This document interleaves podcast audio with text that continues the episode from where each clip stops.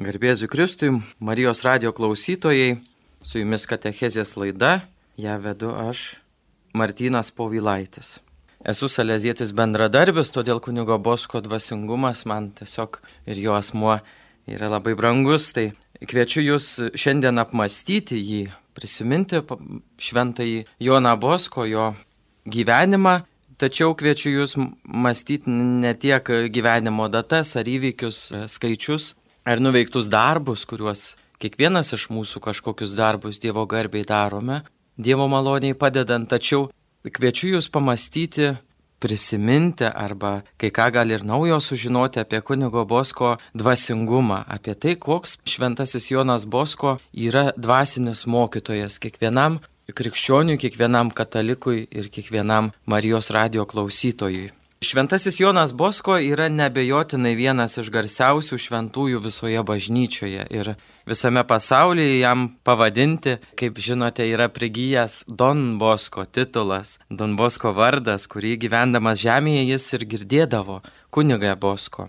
Don Bosko lietuviai, saleziečiai, visa saleziečių šeima vadiname jį tiesiog kunigu Bosko be įprastų jo šventojo kunigo Jono Bosko tų visų vardų, dažniausiai sakom tik tai kunigas Bosko.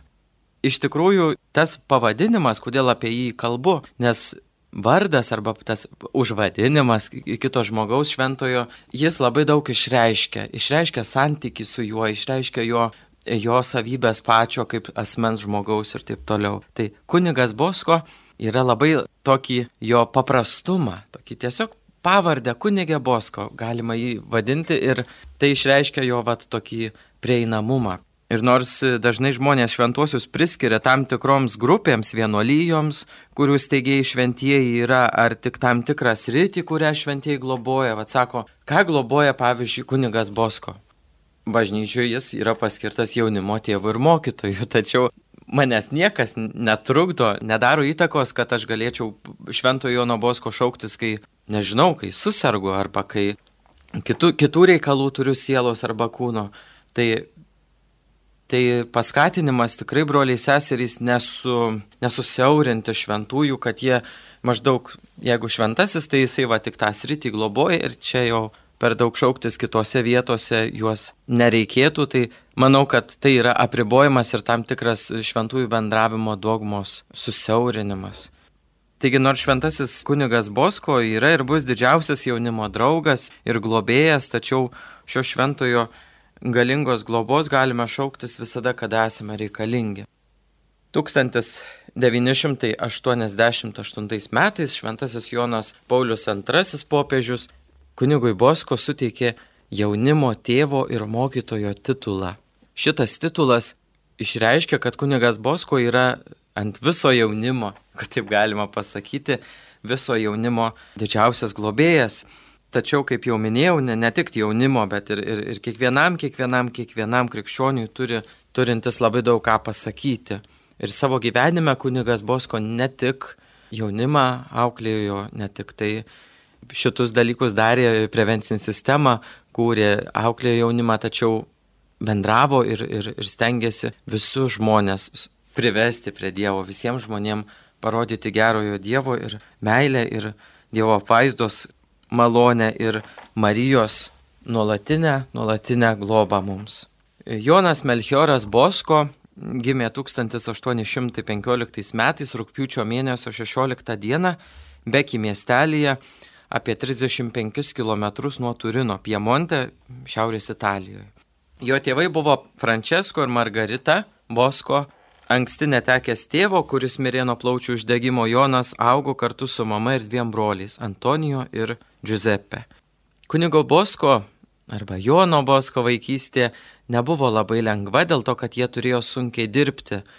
Jų motina, tų trijų berniukų mama, iš tiesų buvo labai tvirta moteris ir Margarita arba mama Margarita, kaip ją vadina viso pasaulio saleziečių šeima, yra tiesiog didžiausias motiniškas e, pavyzdys dėl to, kad šita moteris buvo tvirta, buvo labai, nu tokia, labai labai pasitikinti Dievu, visiškai atsidavusi Dievo rankas, jinai tiesiog tikėjo viešpačiu ir, ir jo gale, kad jinai viena šitų vaikų neužaugins, tačiau su Dievu, su Dievo motina viską galima, kaip žinome, padaryti.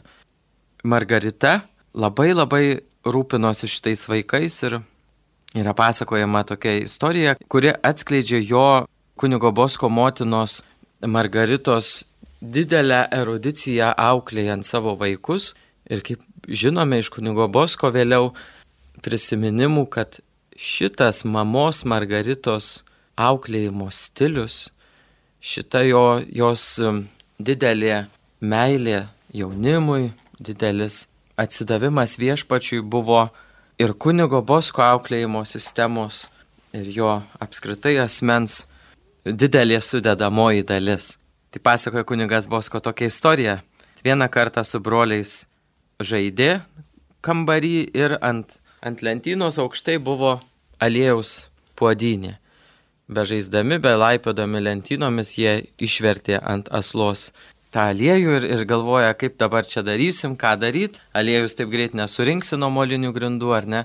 Tie anie broliai jau ten jau renka kažkaip, o Jonas nuėjo ir galvoja jau vis tiek bart ne, nepavyks išvengti, tai jisai paėmė, pasidarė gražią rykštę, išsilaužė iš lasdyno, ją gražiai peiliuku išskutinėjo ir bėga, jau mato, kad ateina mama, pribėga prie mamos ir sako, mama, štai tau rykštė, nuplak mane. ir tada mama Margarita su, sužiūro, paskui pradėjo juoktis ir sako, nagi neklaužėtos, ką jau padarėt. Tada Jonas viską papasakojo mamai ir mama vietoj to, kad vaiką e, kažkaip baustų, jinai jį tiesiog paglostė, apkabino ir nuramino. Tai tas toksai komiška situacija, kaip vaikas išsi, išsilaužė tą šaką ir ją išdrožinė, kad mamai būtų smagiau, kadangi žinojo, kad nu, nėra smagu bausti jauną žmogų. Tikriausiai ir kitos situacijos, kuriuose jis patyrė mamos begalinę meilę, jos tokį gailestingumą ir, ir auklėjimą. Kunigui Bosko vėliau jau suaugus ir jau pačiam auklėjant jaunimą tikrai turėjo labai didelę įtaką. Devinių metų Jonas susapnavo tokį įdomų sapną. Tas sapnas, kaip žinome iš vėlesnių jo prisiminimų, tas sapnas tiesiog jam padarė milžinišką įtaką ir ne tiek įtaką, kiek jis suprato, kad tai yra jo gyvenimo programos tam tikras e, viešpaties apreiškimas. Tai prašo prisiminimuose. Būdamas devyniarių metų, sapnavau sapną, kuris visam gyvenimui įstrigo mano atmintyje. Sapnavau, kad buvau netoli namų gana dideliame kieme, kuriame šurmuliavo daugybė vaikų. Vieni juokėsi, kiti žaidė, kai kurie keikėsi. Išgirdęs keiksmus, puoliau prie jų, paleidęs į darbą kumščius ir žodžius, kad juos nutildyčiau. Tuo metu pasirodė garbingas vyras. Jį visą dengė baltas apseustas, o veidas, veidas taip švitėjo, kad negalėjau į jį žiūrėti. Jis mane pašaukė vardu ir liepė tiems vaikams vadovauti, tardamas šiuo žodžius. Ne kumščiais, bet švelnumu turi tuos vaikus laimėti. Tad tuoj pat imkis kalbėti jiems apie nuodėmės bjaurumą ir brangę dorybės vertę. Kas jūs esate, kad man įsakote tokius neįmanomus dalykus? Būtent dėl to, kad tokie dalykai tau atrodo neįmanomi, paklusnumu ir išmintimi juos padarysi įmanomus. O kur ir kokiu būdu galėsiu įgyti išminties? Aš tau duosiu mokytoje. Jos vadovaujamas taps išmintingas. Be tos išminties kiekviena kita išmintis yra paikybė. Bet kas jūs esate, ponia, kad šitaip kalbate? Esu sūnus tos, kurią mama tau liepia sveikinti tris kartus per dieną. Mano mama man liepia be jos leidimo nekalbėti su tais, kurių nepažįstu, todėl pasakykite man savo vardą. Garbusis ponas atsakė, mano vardo paklausk mano motiną. Tuo metu išvydau tokią pat kilnę moterį, kurios apseustas spindėjo, lyg būtų nusėtas žvaigždėmis. Pamačiusi, jog dėl tų klausimų ir atsakymų aš visai jau sutrikęs, pamojo man, kad prieičiau arčiau, paėmė už rankos ir tarė, žiūrėk. Pamačiau, kad visi vaikai dingė, o jų vietoje atsirado aibė ožiukų, šunų, kačių, meškų ir dar kitų žvėrelių. Tai laukas, kuriame turėsi darbuotis. Būk nuolankus, stiprus ir ištvermingas. Tai, kas tuoj atsitiks tiems žvėriukams, tu turėsi padaryti mano vaikams. Vėl pažiūrėjau į plėšrių žvėriukų vietoj, pamačiau avenėlius, kurie linksmi šokinėjo ir bliovė, tartum sveikindami tą vyrą ir ponę. Tada vis dar sapne ėmiau verkti, prašydamas moterį kalbėti suprantamiau, nes nesuvokiau jos žodžių prasmės. Padėjusi ranką man ant galvos, ji pasakė, kai ateis laikas, viską suprasi. Jei tai ištarus kažkoks triukšmas mane pažadino ir viskas dingo. Atsibudau apstulbęs. Man rodės, kad rankos dar skauda nuo smūgių, kuriais aptalžiau tuos vaikus, o skruostai nuo antausių, kurių man buvo nepašykštėta. Tačiau tas vyras, toji ponė, tie pasakyti ir išgirsti žodžiai taip pat įstrigo man taip giliai į galvą, kad tą naktį daugiau nebeužmigau. Štai čia ir pradedame kelionę pala, e, mūsų palaiminto kunigo Bosko gyvenimo, kurį iš tikrųjų apmastydami matome didelį Dievo veikimą ir Dievo palaiminimą, kurį jisai buvo paruošęs Jono širdžiai nuo pat mažens. Nemanau, kad yra, kaip jau minėjau, kad yra tikslinga atpasakoti visus įvykius, visus datas, kurių kunigo Bosko gyvenime buvo labai daug. Kaip žinia, jisai ir saleziečių kongregacija arba Švento Pranciškaus Salezo draugija įsteigė. Taip pat Marijos krikščionių pagalbos dukteris įsteigė, seseris Salezietės kartu su Šventaja Marija Dominika Mazarelio įsteigė. Ir taip pat 1876 metais įsteigė Saleziečių bendradarbio asociaciją, tai yra pasauliečių, pasauliečių ordinas, kuriame būdami tikri saleziečiai, tik tai gyvendami pasaulyje, kunigo Bosko draugai arba jų, jo sūnus ir dukterys visame pasaulyje gyvendami šeimoje arba kunigiškam pašaukime arba kituose dalykuose tiesiog labai atsakingai stengiasi gyventi savo steigėjo, brangiojo kunigo Bosko dvasingumu, salezietišku dvasingumu. Ir šiandien labai puikiai proga apmastyti. Devyniarių metų sapnas yra laikomas kunigo Bosko gyvenimo tokiu etapo gyvenimo programos apsireiškimu. Kunigas Bosko taip pat ir pats taip galvojo, kad tai yra Dievo intervencija į jo, jo gyvenimą. Ir jam viešpats nekalbėjo kažkokiais vat, ypatingais apsireiškimais ar šviesomis, ar nu, apsireiškimais, kaip būna ten vat, kitur, kituose, kitų šventųjų gyvenimuose matom fizinį tokį Dievo apsireiškimą, tai Kunigas Bosko visą laiką visus dalykus matydavo sapne. Jam sapnas buvo vieta, kur viešpats kam kalba ir susitinka su juo. Saleziečiai visame pasaulyje kartais, kai nuo, nuo senų laikų, dar nuo kunigo Bosko laikų visada jokauja, sako, mes esame svajotojo arba e, sapnuotojo sūnus. Tikrai labai yra brangu kunigo Bosko tas toksai svajonės dvasingumas dvasingumas, kuris yra paremtas žmogaus suvokimu, tikru tvirtu tikėjimu, kad aš esu vertingas, kad šiandieniniam pasauliu mes tikrai broliai seserys dažnai pasijuntam nereikalingi, kitų žmonių atstumti ar kartais atrodo, kai kurie žmonės jaučiasi labai vieniši, nors iš tikrųjų ir, ir draugų turi ir taip toliau. Kunigas Bosko pasakytų šitoj vietoj, kad tu pirmiausiai esi E, reikalingas ir brangus ir mylimas Dievo. Jo dvasingumas pirmiausiai prasideda su tokiu aiškiu suvokimu, kad aš esu Dievo mylimas, kad Dievas mane labai myli. Ir nesvarbu, kokio aš esu dvasinio gyvenimo pažangos, kokio aš esu gyvenimo, kaip čia pasakyti, būdo.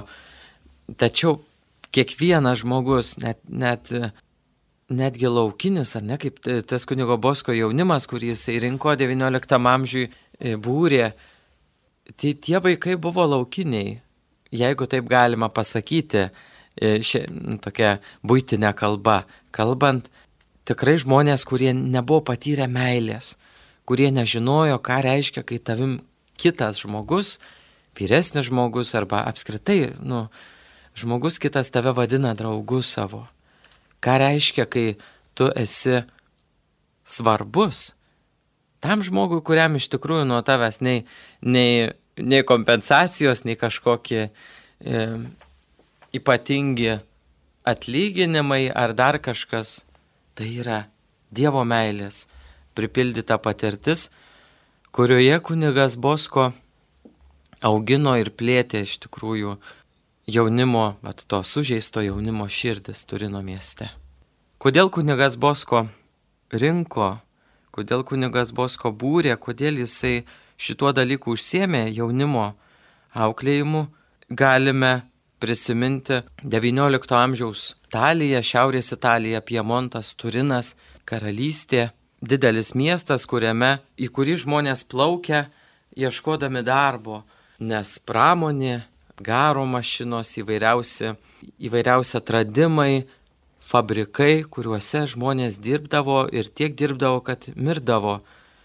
Ir daugelis jaunų žmonių, vaikų tiesiog gyvendavo gatvėje ir, ir jiem nebuvo kito pasirinkimo, tik tai gyventi tą tokį laukinį ir kartais net antžmogišką gyvenimą, kuriame apie darybės vertę, brangę darybės vertę, kaip girdėjome 9 metų sapne, tikrai nėra labai lengva iš karto kalbėti. Tai kunigas Bosko, būdamas žmogus, atmerktom akim, kuris mato neteisybę, kuris matė tam tikrą atskirtį tarp žmonių, kurie gerai labai gyvena ir tų, kurie tiesiog yra tapę tais žvėriukais, jisai suprato, kad jo misija yra keisti žemės veidą ir, ir keisti žemės veidą padedant Jėzui ir Marijai. Šventojo Jono Bosko dvasingume, misijoje, gyvenime labai ryškiai atsiskleidė tas noras, kad jauni žmonės būtų geri krikščionys ir garbingi piliečiai. Kitaip sakant, integralus jaunimo auklėjimas.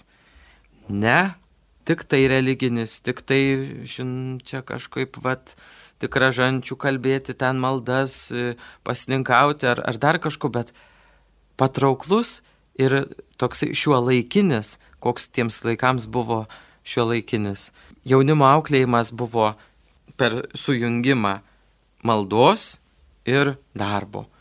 Štai kodėl kunigas Bosko pakviesdamas į, į oratoriją jauną žmogų pirmiausiai jam padėdavo susirasti darbą.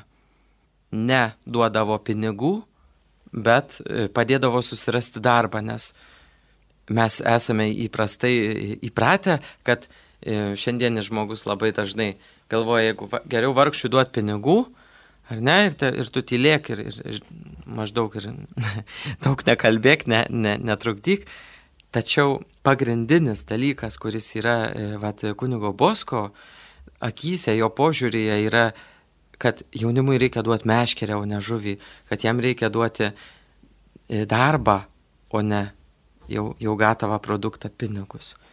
Tai jaunas žmogus, kai pajunta atsakomybę, kad jis yra atsakingas už savo gyvenimą, už savo, už savo e, poelgius, už savo tą duonos kas, kasnelį, kurį užsidirbs, tada jisai pajunta, kad jis yra reikalingas. Jis gali, ir savo yra reikalingas, ir kitiem, ir Dievui. Ir kad tikrai labai labai yra svarbu šitus dalykus jungti. Jaunimo auklėjime kunigas Bosko tikrai užima bažnyčioje ypatingą vietą, nes jo metodas buvo revoliucingas tiesiog, jis buvo net nesuprastas kai kuriuo laiku savo savo vyresnybės bažnytinės, nes jie galvoja, kad jisai daro tiesiog kažkokius populistinius ir, ir nesuprantamus nu, tokius išsišokimus. Tai jaunimo auklėjimas iš tikrųjų tas metodas saleziečių prevencinės sistemos, saugojamoji sistema prevencinė, jinai kyla iš kunigo Bosko dvasingumo, iš jo dvasios, iš jo supratimo, kad jaunam žmogui nereikia tik tai duot kažką, bet iš jo reikia ir nuolat ir nuolat kai kurių dalykų pareikalauti, kad jaunimas turi ne tik tai teisės, bet ir, ir privilegijas turi, tačiau ir turi savo pareigas. Ir, ir šitos pareigos iš tiesų yra labai labai svarbios. Taigi kviečiu pažvelgti į kunigo Bosko dvasingumą, į, į tai, kuo kunigas Bosko mus, mūsų dvasinėme kelyje gali išmokyti ir praturtinti. Kaip ir kiekviena vienuolinė šeima, kaip ir kiekviena dvasinė šeima, saleziečių vienuolinė šeima turi savo dvasingumą, savo e, tam tikras kryptis, kurios yra suformuotos steigėjo ir, ir kitų šventųjų. Kunigas Bosko buvo labai gražu prisiminti, kad kunigas Bosko buvo iš tikrųjų taip pat formuotas, kad jis nebuvo, negimė jau kažkokiu labai ypatingu ar, ar vat, kažkokiu vat, fenomenaliu žmogumi. Aišku, turėjo kai kurių dalykų, kurie labai e, tiems laikams ir, ir, ir kai kuriems kitiems žmonėms buvo e, fenomenalūs, tarkime, kunigas Bosko turėjo labai puikią atmintį. Nuo pat mažens iki pat savo užgesimo 1888 metais sausio 31 kunigas Bosko tikrai buvo labai labai didelės vat, erudicijos žmogus, rašė knygas, buvo istorikas, bažnyčios istorijos knygas rašė, buvo muzikantas, vat, gal kas nežinojot, kunigas Bosko, būdamas klieriku, grojo smuiku, turėjo balsą, keletą kūrinėlių yra parašęs. Tikrai buvo toksai meniškos sielos, didelio ir labai šventokio, erudicingo ir labai labai žavaus charakterio žmogus, kuris turėjo tikrai labai labai plačią ir didelę širdį. Ir va iš kunigo Bosko, ko šiandien galim išmokti, broliai seserys, jo, kad mes tokie, vad kokie esam, Dievui esam labai labai labai brangus. Ir iš to, kas mes šiandien esam, ką galim dar kažkur savį pakeisti ar, ar, ar kažkur save nukreipti, Dievas gali padaryti labai labai daug. Žvelgdami į Jono Bosko gyvenimą mes tikrai suprantam, kad šlovinam ir, ir mums gražus yra ne tiek gal pats e, jis kaip asmo, bet Dievas, kuris jame tiesiog sužydėjo, kuris Dievas, kuris jame išsiskleidė viešpaties dvasia, kurie ilsėjosi ant švento Jono Bosko. Tai mes e, esame labai labai didelio šventojo akivaizdoje, didelio dvasinio mokytojo šventėje. Tai kunigas Bosko buvo suformuotas kelių šventųjų, keli šventieji jam darė labai, labai didelę įtaką, žinoma, su jais jisai negyveno, su vienu šventuoju gyveno, vienu laikmečiu, tačiau e, visi kiti šventieji buvo jam labai svarbus e, jo dvasiniam augime. Pirmiausiai prieš savo abiejus šventimus Diekono ir kunigo Jonas Bosko atliko, gyveno tokiame konvente ir prieš tai atliko prieš tuos šventimus dvasinės pratybas Švento Ignaco Lojolos nuo 1841 iki 1844 tris metus gyveno tokiame bažnytinėme konvente, kuriame mokinosi šiuo laikinė kalba e, kalbėti su žmonėmis, tokia kaip kvalifikacijos būtų kelimo vieta. Ir jisai rašo, kad trys metai praleisti šiame konvente man paliko labai didelę įtaką ir buvo labai svarbus mano dvasiniam augimui. Taip pat apie jį rašo toliau, sako, konvente kunigas Bosko vadovaujamas teologo Gualę, pamokomas kunigo šventojo Juozapo Kafaso, atliko pratybas jezuitiškų modelių pagal knygelę dvasinės pratybos.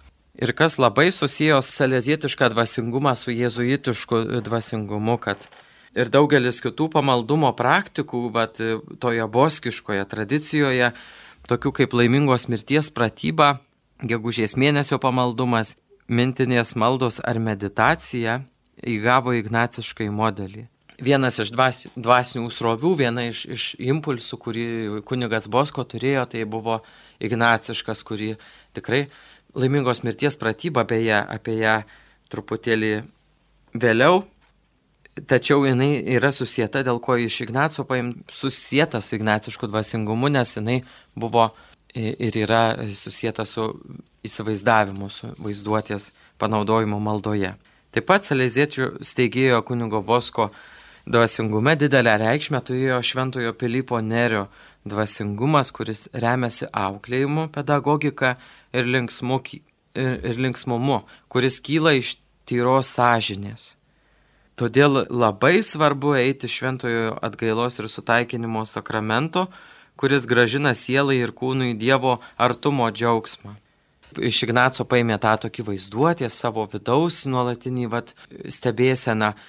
Iš e, Švento Pilypo Nerio kunigas Bosko pasiėmė e, linksmumą ir auklėjimą, kad auklėjimas yra tikrai širdies reikalas, kaip jisai sakydavo, ir kad bet koks mūsų džiaugsmas, džiaugsmelis ir džiaugsmukas kyla iš tyros sąžinės. Kaip, kaip sakant, jeigu mes neturim tyros sąžinės, juokiamės, bet juoko nesigirti. Ir, ir taip toliau. Tarp saleziečių dvasingumo šių, šių šulų labiausiai paminėtinas šventasis Pranciškus Salezas, nuo kurio Ženevos vyskupas, nuo kurio ir mes saleziečiai turime vardą saleziečiai. Krikščioniško humanizmo bei švelnumo ir meilės pavyzdys.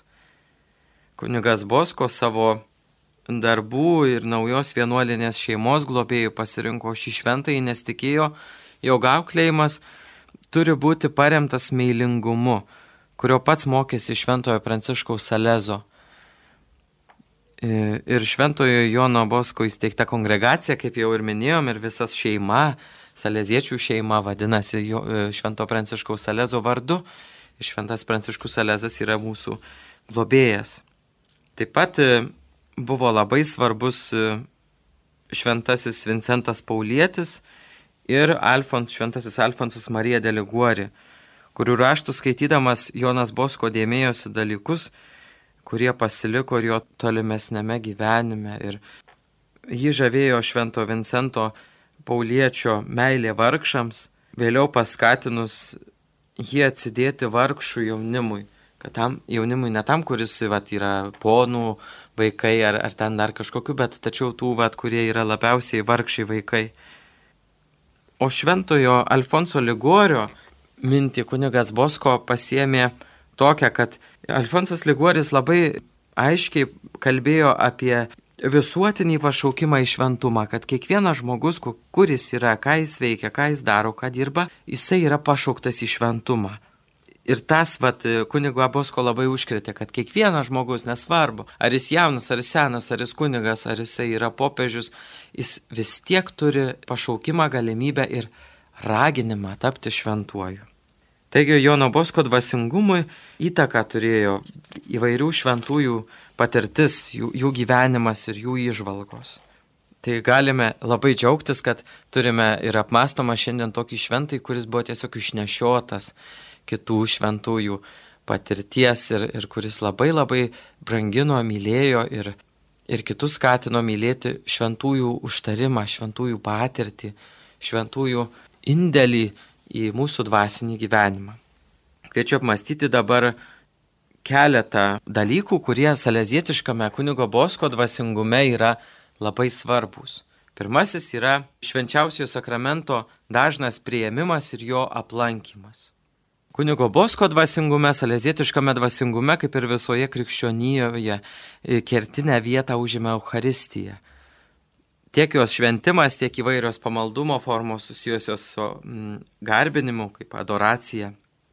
Nes bažnyčia yra gyva Euharistija. Ir suprasdama, kad švenčiausioje Euharistijoje glūdi visas dvasinis bažnyčios lobis,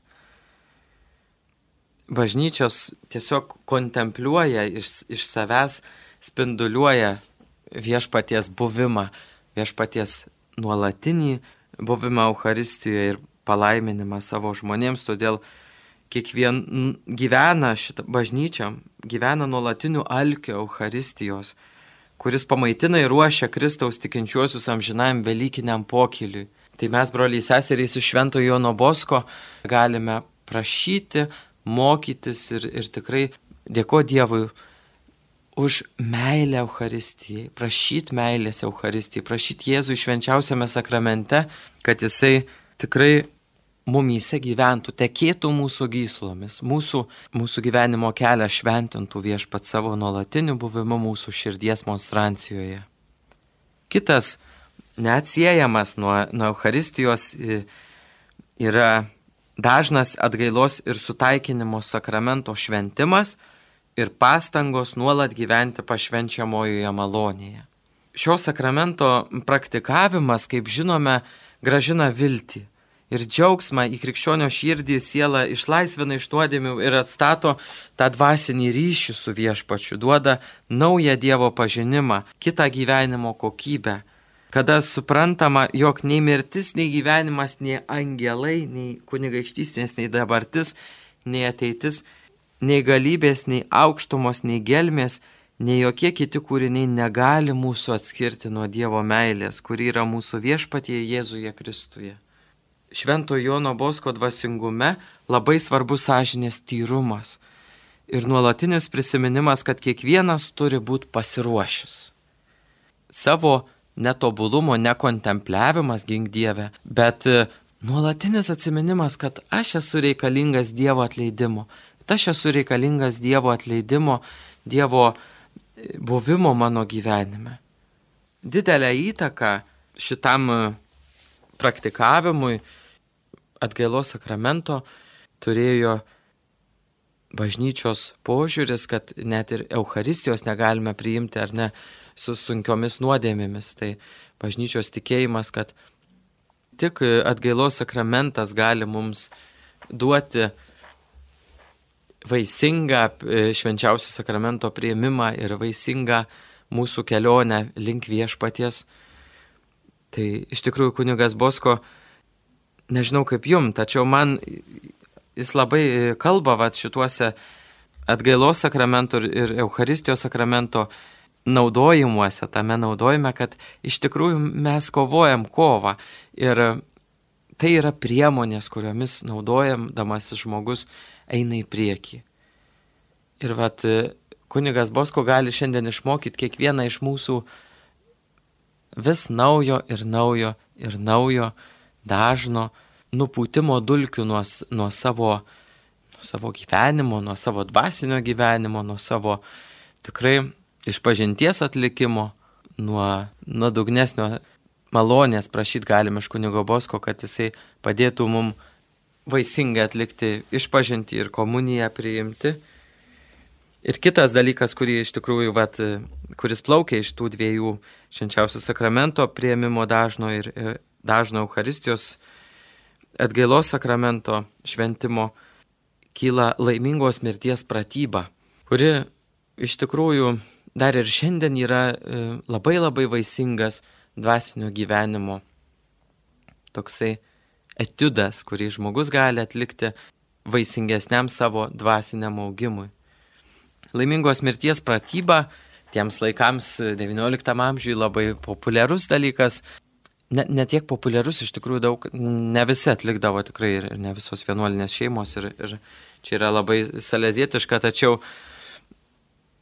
tam vat, laikinumo savo prisiminimui, kad aš esu svečiuose.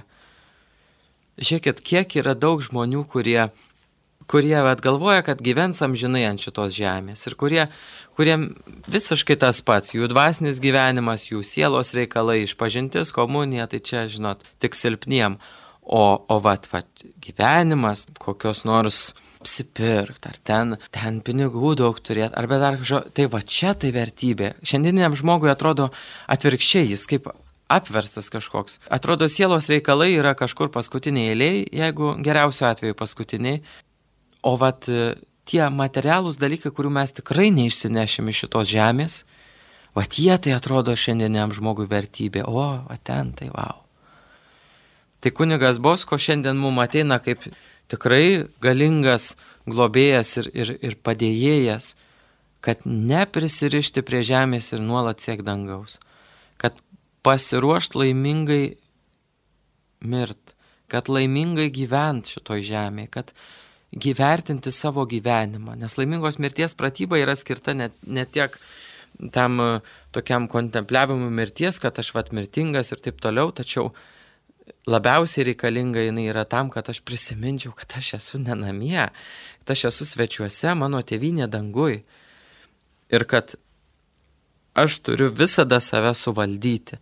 Tai aš esu toks kaip laukinis kažkoks žvėrelis, kuris kitą kartą esu labai reikalingas dresūros, esu reikalingas tam tikro vis ir vis grįžimo prie tikrų dalykų. Laimingos mirties pratyba yra atliekama taip. Šventoji išpažintis ir šventoji komunija priimami taip, lyg jos būtų paskutinės gyvenimai įsivaizduojant, kad rytoj arba tos dienos vakarą ateis mirtis. Ši praktika kunigo Boskui įvesta visai salėziečių šeimai ir, ir auklėtiniams e, ugdo naują žvilgsnį į mirtį ir skatina visada būti pasiruošus ir nebijot mirties pratybas lydi maldos, ten, kuriomis prašoma viešpati būti šalia mirties valandą ir melžiant apsaugoti nuo mirties nesusitaikius su Dievu. Taip pat meldžias, meldžiamas yra, jeigu bendruomeniai švenčiamas tos pratybos, tai yra meldžiamas už tą, kuris pirmas už vat, to tarpo mirs. Taip pat susitvarkyti kambarį galima, galima prisigalvoti labai daug dalykų, labai gražių iš tikrųjų, kurie Tai kitaip sakant, atlieku laimingos mirties pratybą pagal kunigą Bosko taip. Dalyvauju mišiuose, prieš tai atlieku išpažinti, dalyvauju mišiuose ir su tokiu nusiteikimu, su tokiu, vad, lyg būtų pats pats paskutinis kartas mano gyvenime, kada aš priimu išpažinti ir komuniją. Taip pat galima paskambinti žmonėms, su kuriais gal e, turim įtampų kažkokiu ar, ar net leidimo melstis už juos, atleisti ir, sakau, kambarį sustvarkyti, galų gale tikrai atsidėti maldos. Tai kaip, kitaip sakant, laimingos mirties pratyba yra išsirenkam vieną dieną mėnesyje, kada būna mano toksai intensyvus maldos ir pasiruošimo ir prisiminimo, kad esu, va, kaip sakiau, mūsų tevinė danguje, pasiruošimas šitam dalykui ir rekolekcijų diena, kitaip sakant. Mes turime tokią dieną, kada prisimenam savo trapumą, prisimenam tai, kaip Dievo esam reikalingi, kaip, kaip vat, viešpaties malonėje galime skleistis ir gyventi. Šventas Jonas Bosko mums yra tikrai tokio katalikiško savęs interpretavimo, nuolatinės maldos savistabos, atsidavimo Dievo meiliai, Dievo apvaizdai, Marijai krikščionių pagalbai, sakramentų praktikavimui, ir pasiruošimui laimingai gyventi ir mirt pavyzdys ir mokytojas. Kiekvieno žmogaus gyvenime, kiekvieno, iš kiekvieno jonuko, iš kiekvieno paprasto kaimo berniuko arba mergaitės ar ne, ne iš bet kokio paprasto žmogaus, Dievas gali padaryti labai labai didelius darbus. Ir tą vardą Jono Bosko vardą išgarsino ne, ne tik, tikrai ne tie stebuklai, kuriuos darė Dievas per jį, ne, ne tik tie tos bažnyčios pastatytos gražios, kurias jisai per gyvenimą pastatė, ne, ne kažkokie ypatingi darbai ar datos ar kažkokie ten pasirašyti projektai ar, ar įsteigtos vienuolijos, tai ne. Jo vardą išgarsino Jėzus Kristus, kuris jame kaip asmenyje sužydėjo, kuris jame išsiskleidė ir tapo e, tikrai matomas. Tai šlovinkim broliai seserys Dievą, kuris yra be galo, be galo gražus ir nuostabus savo šventuosiuose ir šventajame jo nebosko. Tegul visiems jums atneša džiaugsmą kuris taip pat linksmumą, kuris kunigo bosko dvasioje yra vienas iš kertinių dalykų. Jisai sakė, žmogus negali būti šventas, jeigu nėra linksmas. Tai tegul užlieja, broliai seserys, jūs begalinis džiaugsmas, begalinė meilė ir Dievo meilė, kad esate mylimi. Dievo, kuris kiekvienam iš mūsų yra paruošęs labai labai didelių dalykų. Dieve, tu šventai išpažinėję ir kuniga Joną Bosko, pašaukiai būti jaunimo tėvu ir mokytoju. Ir jo pastangomis mergeliai Marijai padedant, praturtinai savo bažnyčią naujomis vienuolyjomis. Leisk mums užsidegus tą pačią meilę sugnimi, ieškoti sielų ir tik tau vienam tarnauti. To prašome per Kristų, mūsų viešpatį. Amen. Šventasis kunigė Jonai Bosko, melskė už mus. Su jumis buvo Katechezės laida per Marijos radiją. Mąstėme Šventojo Jono Bosko dvasingumą. Su jumis buvau aš, Salezietis bendradarbis Martynas Povilaitis. Garbė Jėzui Kristui.